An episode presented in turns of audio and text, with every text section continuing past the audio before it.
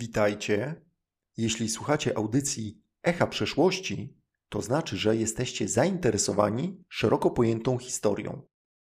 A ja mam nadzieję, że mój podcast zaspokoi Wasze zainteresowania. Nazywam się Sławomir Żurawski. Interesuję się historią, muzyką oraz kinem.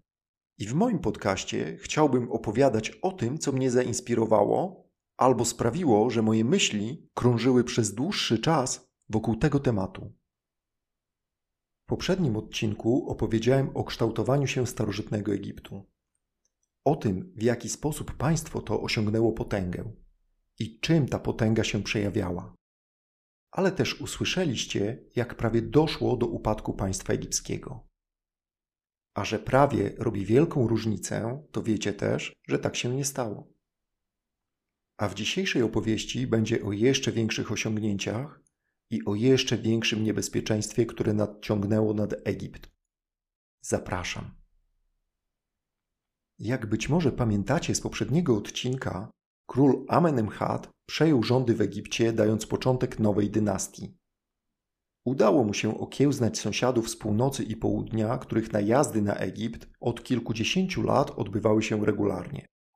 Ale równie ważna była przeprowadzona przezeń reforma administracji, dzięki której udało się wzmocnić władzę królewską.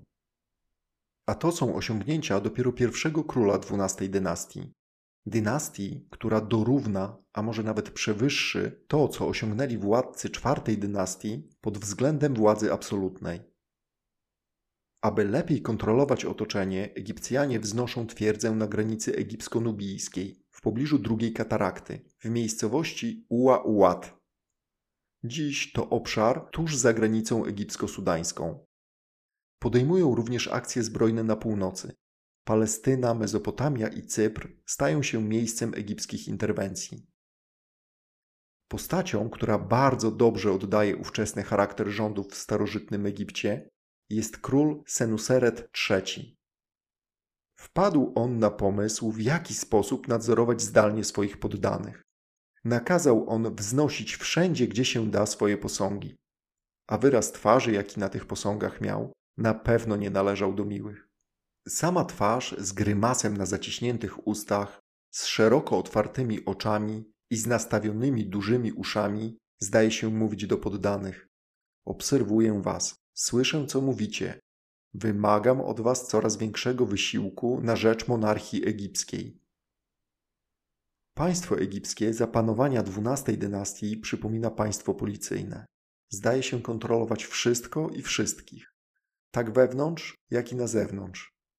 Jednak ta sama dynastia, która stabilnie i pewnie przez ponad 200 lat rządzi w Egipcie, kończy się w najbanalniejszy sposób z braku męskiego potomka. Wtedy po raz pierwszy, prawdopodobnie z braku jakiejkolwiek alternatywy, na tron wstępuje kobieta, Sobek Nofru. Co ciekawe, została ona królem, gdyż nie istniała koncepcja królowej. Nie istniało takie słowo. Po prostu była królem płci żeńskiej. Tylko władza o niepodważalnej pozycji mogła sobie pozwolić na takie odstępstwo od tradycji. Sobek Nofru rządziła mniej więcej 5 lat od 1760 do 1755 roku przed naszą erą. Jednak po jej śmierci nie było nikogo, kto byłby w stanie osiągnąć ten poziom władzy. Jak to się dzieje w takich przypadkach, gdy pojawi się cień słabości na władzy, która rządzi żelazną ręką, natychmiast pojawiają się siły, które tą słabość chcą wykorzystać.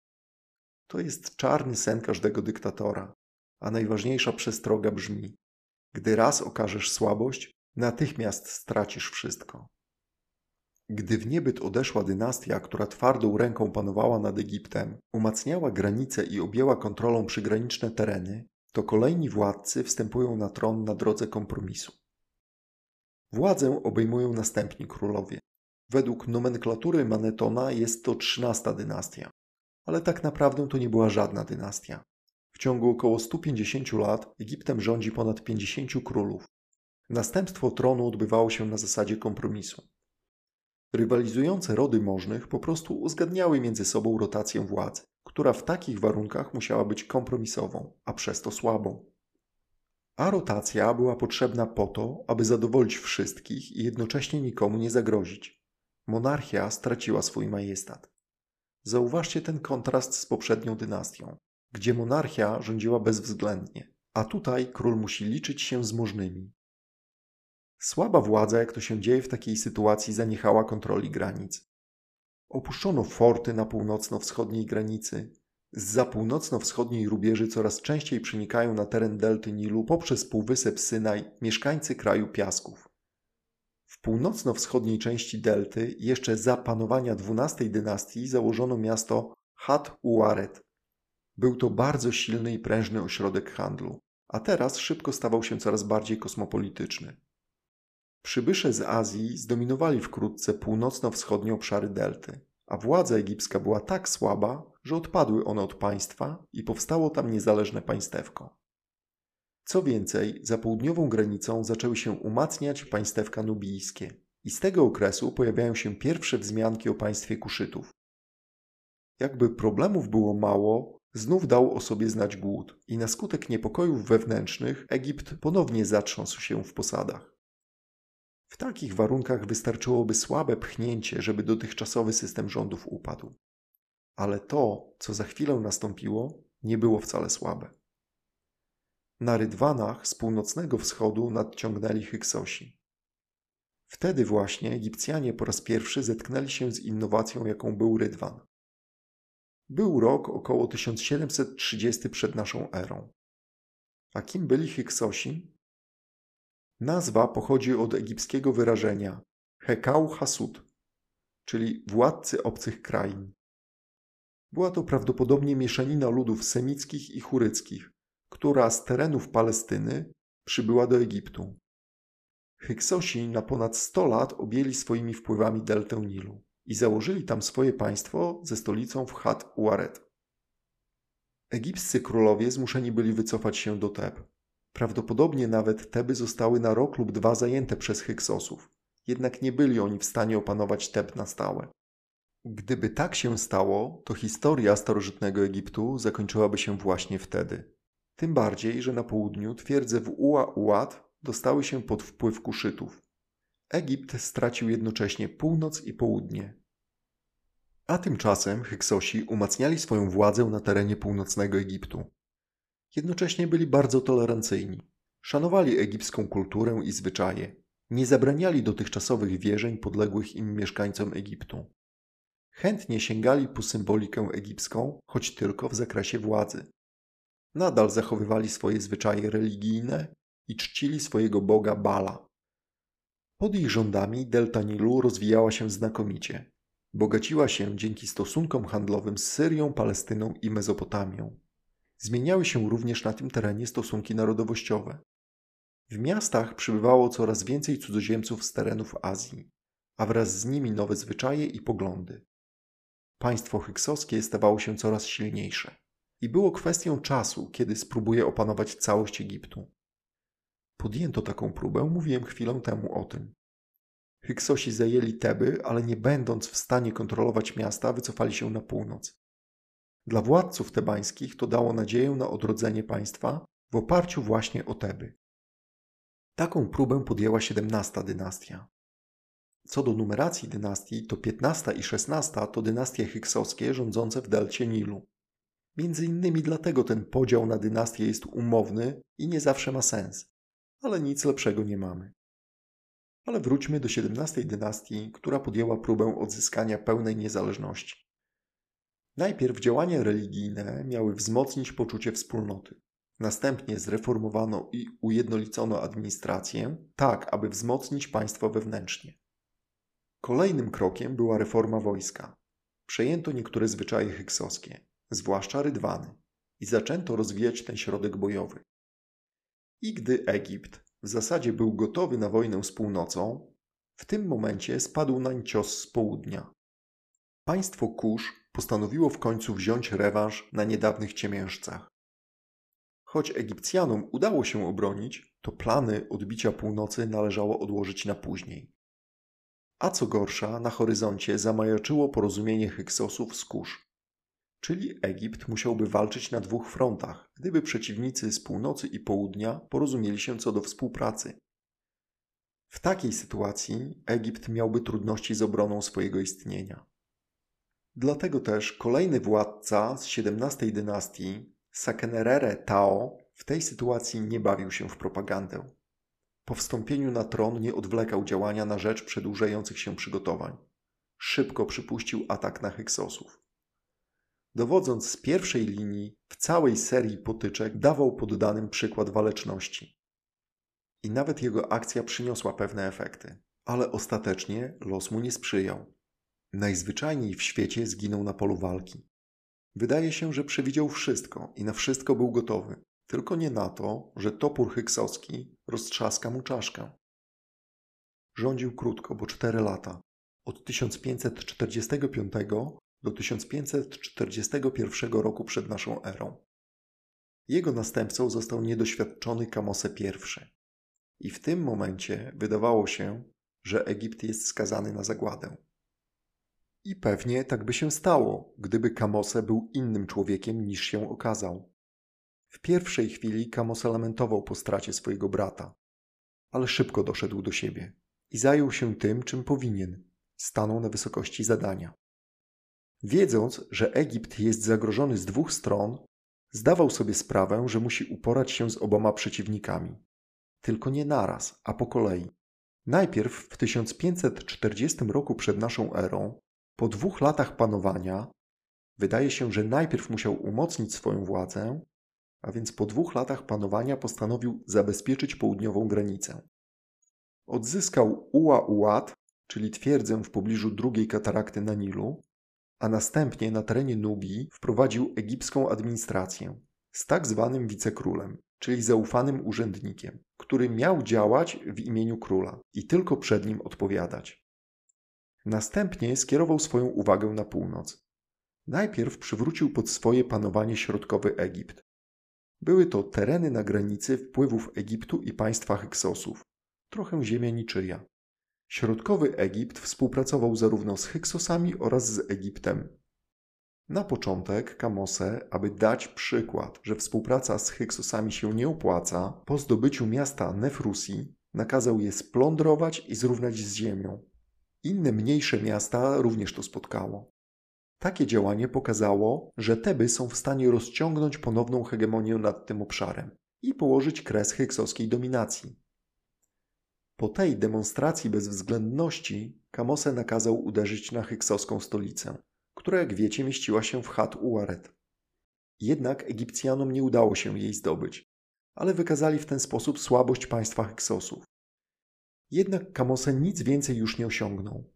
W 1530 roku przed naszą erą zmarł w nie do końca jasnych okolicznościach. Po nim na tron wstąpił jego brat Ahmes. Jednak w tym momencie był on jeszcze dzieckiem i na dekadę zapanował impas w zmaganiach egipsko-hyksowskich. Ahmes, gdy osiągnął pełnoletność i objął pełnię władzy w 1529 roku przed naszą erą, nie zwlekał z działaniami. Natychmiast nakazał ruszyć na stolicę Hyksosów. I Egipcjanie nie tylko zdobyli Chat Uaret, ale poszli dalej. Zatrzymali się w Palestynie, w mieście Szaruchen. To jest dzisiejsza strefa gazy. Był to ważny ośrodek polityczny państwa Hyksosów. Zainstalowali oni tam swój garnizon i od tego momentu Egipcjanie na terenie Palestyny będą odgrywali niezwykle ważną rolę. A to już jest bezpośrednia geneza bitwy pod Megido. Kontrola Palestyny dała Egiptowi zabezpieczenie od strony Azji. Zabezpieczywszy się od północy, Ahmes skierował swoją uwagę na południe. Podjął działania, które rozszerzyły egipskie wpływy w Nubii aż po trzecią kataraktę, jeszcze dalej niż za czasów Senusereta III. Aby zabezpieczyć swoje interesy w Nubii, Egipcjanie na wyspie Szad na Nilu, to jest dzisiejsza wyspa Sai, wybudowali potężną twierdzę która miała wzmocnić kontrolę nad Górną Nubią. Ahmes nie tylko przywrócił jedność państwa, ale również rozciągnął zwierzchnictwo egipskie nad terenami, które do tej pory mu nie podlegały. Za jego czasów z kultem Amona powiązano całą rodzinę królewską. Odtąd nie tylko władca, ale też jego rodzina będzie równa bogom. W 1514 roku przed naszą erą Ahmes umarł, a jego następcą został Amenhotep I. Zastawszy zjednoczone i silne państwo, Amenhotep był pierwszym od kilkudziesięciu lat królem, który nie musiał zajmować się wojaczką. Za jego czasów rozpoczęto wiele projektów budowlanych, zwłaszcza religijnych. Ale prawdziwa rewolucja dotknęła charakteru królewskiego grobu. Monumentalne grobowce samym swym ogromem informowały wszystkich dookoła, gdzie pochowano króla, i przez to przyciągały uwagę rabusiów, nie pozwalając zmarłemu zaznać wiecznego spokoju. Amenhotep wprowadził zmianę polegającą na rozdzieleniu grobu królewskiego na dwa elementy. Świątynię grobową widoczną dla wszystkich, czyli publiczne centrum kultu zmarłego króla, i na królewski grób ukryty przed oczami postronnych, gdzie władca mógł spoczywać w wiecznym pokoju. Czy to się okazało praktyczne? Amenhotepowi nie udało się zaznać wiecznego spokoju. Jego mumia co najmniej raz była przeniesiona, choć jest jedyną, która nie została rozwinięta, ale za to zbadano ją tomografem. Natomiast grobowca jak dotąd nie odnaleziono, ale całkiem możliwe, że wcześniej został splądrowany i zniszczony tak, że brak po nim śladów. Amenhotep był ostatnim władcą XVII dynastii. Nie pozostawił po sobie potomka. I już mówię dlaczego. Otóż on i jego małżonka byli najbliższym rodzeństwem. Ale to nie wszystko. Podobnie ich rodzice. Ale to jeszcze nie wszystko. Tak samo jak ich dziadkowie. I można się zastanawiać, jakim cudem Amenhotep i jego siostra żona nie cierpieli na żadne poważniejsze schorzenia ani defekty. Ale dzieci mieć nie mogli. Amenhotep mimo takiej genealogii okazał się mądrym, przewidującym człowiekiem. Nie chcąc zaprzepaścić dotychczasowych osiągnięć swoich poprzedników i swoich własnych, ponieważ brak dziedzica i następcy tronu spowodowałby chaos i niepokoje po śmierci władcy, adoptował i uczynił następcą tronu swojego najbliższego i zaufanego współpracownika, Totmesa, którego pochodzenie nie jest do końca jasne. Ale czas pokazał, że była to szczęśliwa decyzja. Totmes I rządził w latach 1493-1481 przed naszą erą. Był pierwszym królem od dawna, który wstąpił na tron jako dorosły człowiek i mógł od razu przystąpić do wdrażania swojego programu rządów, a ten był bardzo ambitny. Pod władaniem Totmesa i jego następców Egipt miał się przeistoczyć w najpotężniejszą cywilizację starożytnego świata. Na pierwszy ogień poszło królestwo Kusz i była to bezwzględna i okrutna kampania. Totmes podbił je i przyłączył w całości do Egiptu. Na południu Egipt sięgnął czwartej katarakty. Dzisiaj to jest mniej więcej w połowie drogi między dzisiejszą granicą egipsko-sudańską a Chartumem, czyli dzisiejszą stolicą Sudanu. Podbicie i przyłączenie Nubii to nie koniec ambicji Totmesa I. Niezwykle okrutna kampania nubijska nie zaspokoiła rządzy Totmesa do poszerzania siłą granic państwa egipskiego. Król egipski pragnął kolejnej wojny, w której mógłby okryć się chwałą. Naturalnym kierunkiem był Bliski Wschód i liczne na tym terenie miasta państwa. To stamtąd nadciągnęli Hyksosi, których świeże wspomnienie prześladowało Egipcjan.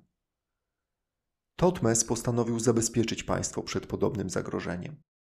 A czas ku temu był najwyższy, gdyż jego szpiedzy donosili o potencjalnie niebezpiecznym przeciwniku. Otóż w północnej Mezopotamii, jeszcze za panowania Achmesa, czyli króla, który pokonał Hyksosów i ponownie zjednoczył Egipt, otóż właśnie wtedy objawiło się na arenie międzynarodowej królestwo Mitanni. I zrobiło to w stylu, który musiał wzbudzić jednocześnie szacunek i obawy. Królestwo Mitanni powstało z połączenia miast państw w północnej Mezopotamii w jeden organizm państwowy. Za czasów Achmesa Mitanni najechało i zadało ciężką klęskę królestwu Hetytów na terenie dzisiejszej Anatolii. Później Hetyci nie mieli wcale lżej. Podczas gdy w Egipcie panuje Amenhotep, czyli poprzednik Totmesa, Mitannijczycy dalej gnębią Hetytów, wypierając ich z północnej Syrii. A to już stanowiło bezpośrednie zagrożenie dla interesów Egiptu w tym regionie. Jak pamiętacie, Egipcjanie na terenie Gazy utrzymywali swoje garnizony, które miały stanowić bufor przed atakiem na Egipt w stylu Hyksosów, a jednocześnie miały zabezpieczać interesy ekonomiczne państwa egipskiego w tym rejonie. Totmes, niezaspokojony w swoich podbojach, tylko czekał na taką okazję. Bezzwłocznie wyruszył przeciwko królestwu Mitanni, przez Egipcjan nazywanemu Naharin, czyli dwie rzeki, czyli Mezopotamia. Jego wojska pokonały drogę do Syrii morzem i następnie lądem przez północną Syrię dotarły na brzeg górnego Eufratu. Niewiele wiemy o tej kampanii. Pewne jest to, że Egipcjanie zdecydowanie pokonali Mitannijczyków i wybili im z głów na jakiś czas zainteresowanie Palestyną i Syrią. Nad brzegiem Eufratu Totmes kazał wykuć wielką pamiątkową inskrypcję, oznaczając tym samym zasięg swojego imperium do tego miejsca. Za panowania Totmesa Egipt kontrolował ziemię od Eufratu na północy aż do czwartej katarakty na Nilu na południu. Taki zasięg państwo egipskie osiągnęło w ciągu czterech pierwszych lat panowania Totmesa. Należy oddać mu sprawiedliwość i docenić sprawność, z jaką zabrał się do poszerzania granic państwa. Z pewnością był to nieprzeciętny człowiek i jak mało kto nadawał się do rządzenia. Jednak nie nacieszył się władzą zbyt długo. Zmarł po dwunastoletnim panowaniu. Gdy tylko wieść o jego śmierci dotarła do Nubii, Kuszyci natychmiast zapragnęli przetestować trwałość egipskiego zwierzchnictwa. Rebelia wybuchła gwałtownie i przyniosła efekty. Twierdze egipskie zostały zdobyte, a garnizony wybite i Nubia znów uzyskała niezależność. Na krótko. Następca Totmesa I, jego syn Totmes II, okazał się godnym tego imienia. Odpowiedź na rebelię kuszycką była równie gwałtowna, tylko dużo bardziej brutalna i bezwzględna. Kolejny raz nadzieje kuszytów zostały utopione w ich własnej krwi. Jednak Totmes II rządził dużo krócej niż jego ojciec. Zmarł po zaledwie trzech latach rządów. Władzę po nim objęła jego żona, a jednocześnie przyrodnia siostra Hatshepsut. W zasadzie można powiedzieć, że Hatshepsut pragnęła władzy ponad wszystko. Uważała, że jako córka Totmesa I i jego głównej żony ma większe prawa do tronu niż Totmes II, którego matką była żona drugorzędna. Śmierć małżonka pozwoliła jej uchwycić ster rządów. Z pozoru nie była to niespotykana sytuacja. Już wcześniej, za czasów XII dynastii, na tronie zasiadała kobieta Sobek Nofru. A i później władzę regencyjną sprawowały kobiety. Jednak Hatshepsut chciała pełnego uznania jako król. Początkowo sprawowała rządy w imieniu małoletniego pasierba, czyli Tutmesa III. Pozwólcie na krótką dygresję. Przedstawię, jak z pozoru zwykła sytuacja rodzinna na egipskim dworze królewskim potrafiła być skomplikowana. Otóż Hatshepsut była żoną swojego brata przyrodniego z tego samego ojca, ale z różnych matek. Do tej pory wszystko jest jasne. Miała z mężem córkę Neferure, ale jej mąż miał też drugą żonę, jak wszyscy królowie egipscy dotąd i później. I tu sytuacja się komplikuje. Z drugą żoną miał syna właśnie Tutmesa III. Po śmierci męża Hatshepsut sprawowała władzę w imieniu jego małoletniego następcy. Jednak po siedmiu latach regencji przyjęła pełnię tytulatury i formalnie przejęła władzę. Wprawdzie, żeby tradycji stało się zadość, teoretycznie były to współrządy z Totmesem. Jednak to Hatshepsut trzymała pełnię władzy, a Totmes, żeby wszystko pozostało w rodzinie i żeby skomplikować sytuację, pojął za żonę córkę Hatshepsut i swoją przyrodnią siostrę, czyli Neferurę. I stał się tym samym pasierbem, bratankiem i zięciem Hatshepsut, która była dlań macochą, ciotką i teściową w jednej osobie. I tak mniej więcej wyglądała ta cokolwiek skomplikowana, ale wcale nierzadka zależność na dworze egipskim. Wróćmy jednak do tematu. Hatshepsut robiła wszystko, żeby jej rządy zyskały legitymizację i powszechną aprobatę. Przy pomocy doradców zaczęła preparować opowieści i mity na swój temat. Na przykład, jakoby została poczęta w cudowny sposób, albo też, że została wybrana na następczynię tronu jeszcze za życia ojca. Na dodatek z rozmysłem ignorowała krótkie panowanie swojego męża, do tego stopnia, że można było odnieść wrażenie, że w oficjalnym przekazie Totmes II w ogóle nie istniał. Mimo jej starań tradycji nie dało się przekreślić, a ta wymagała na tronie władcy mężczyzny.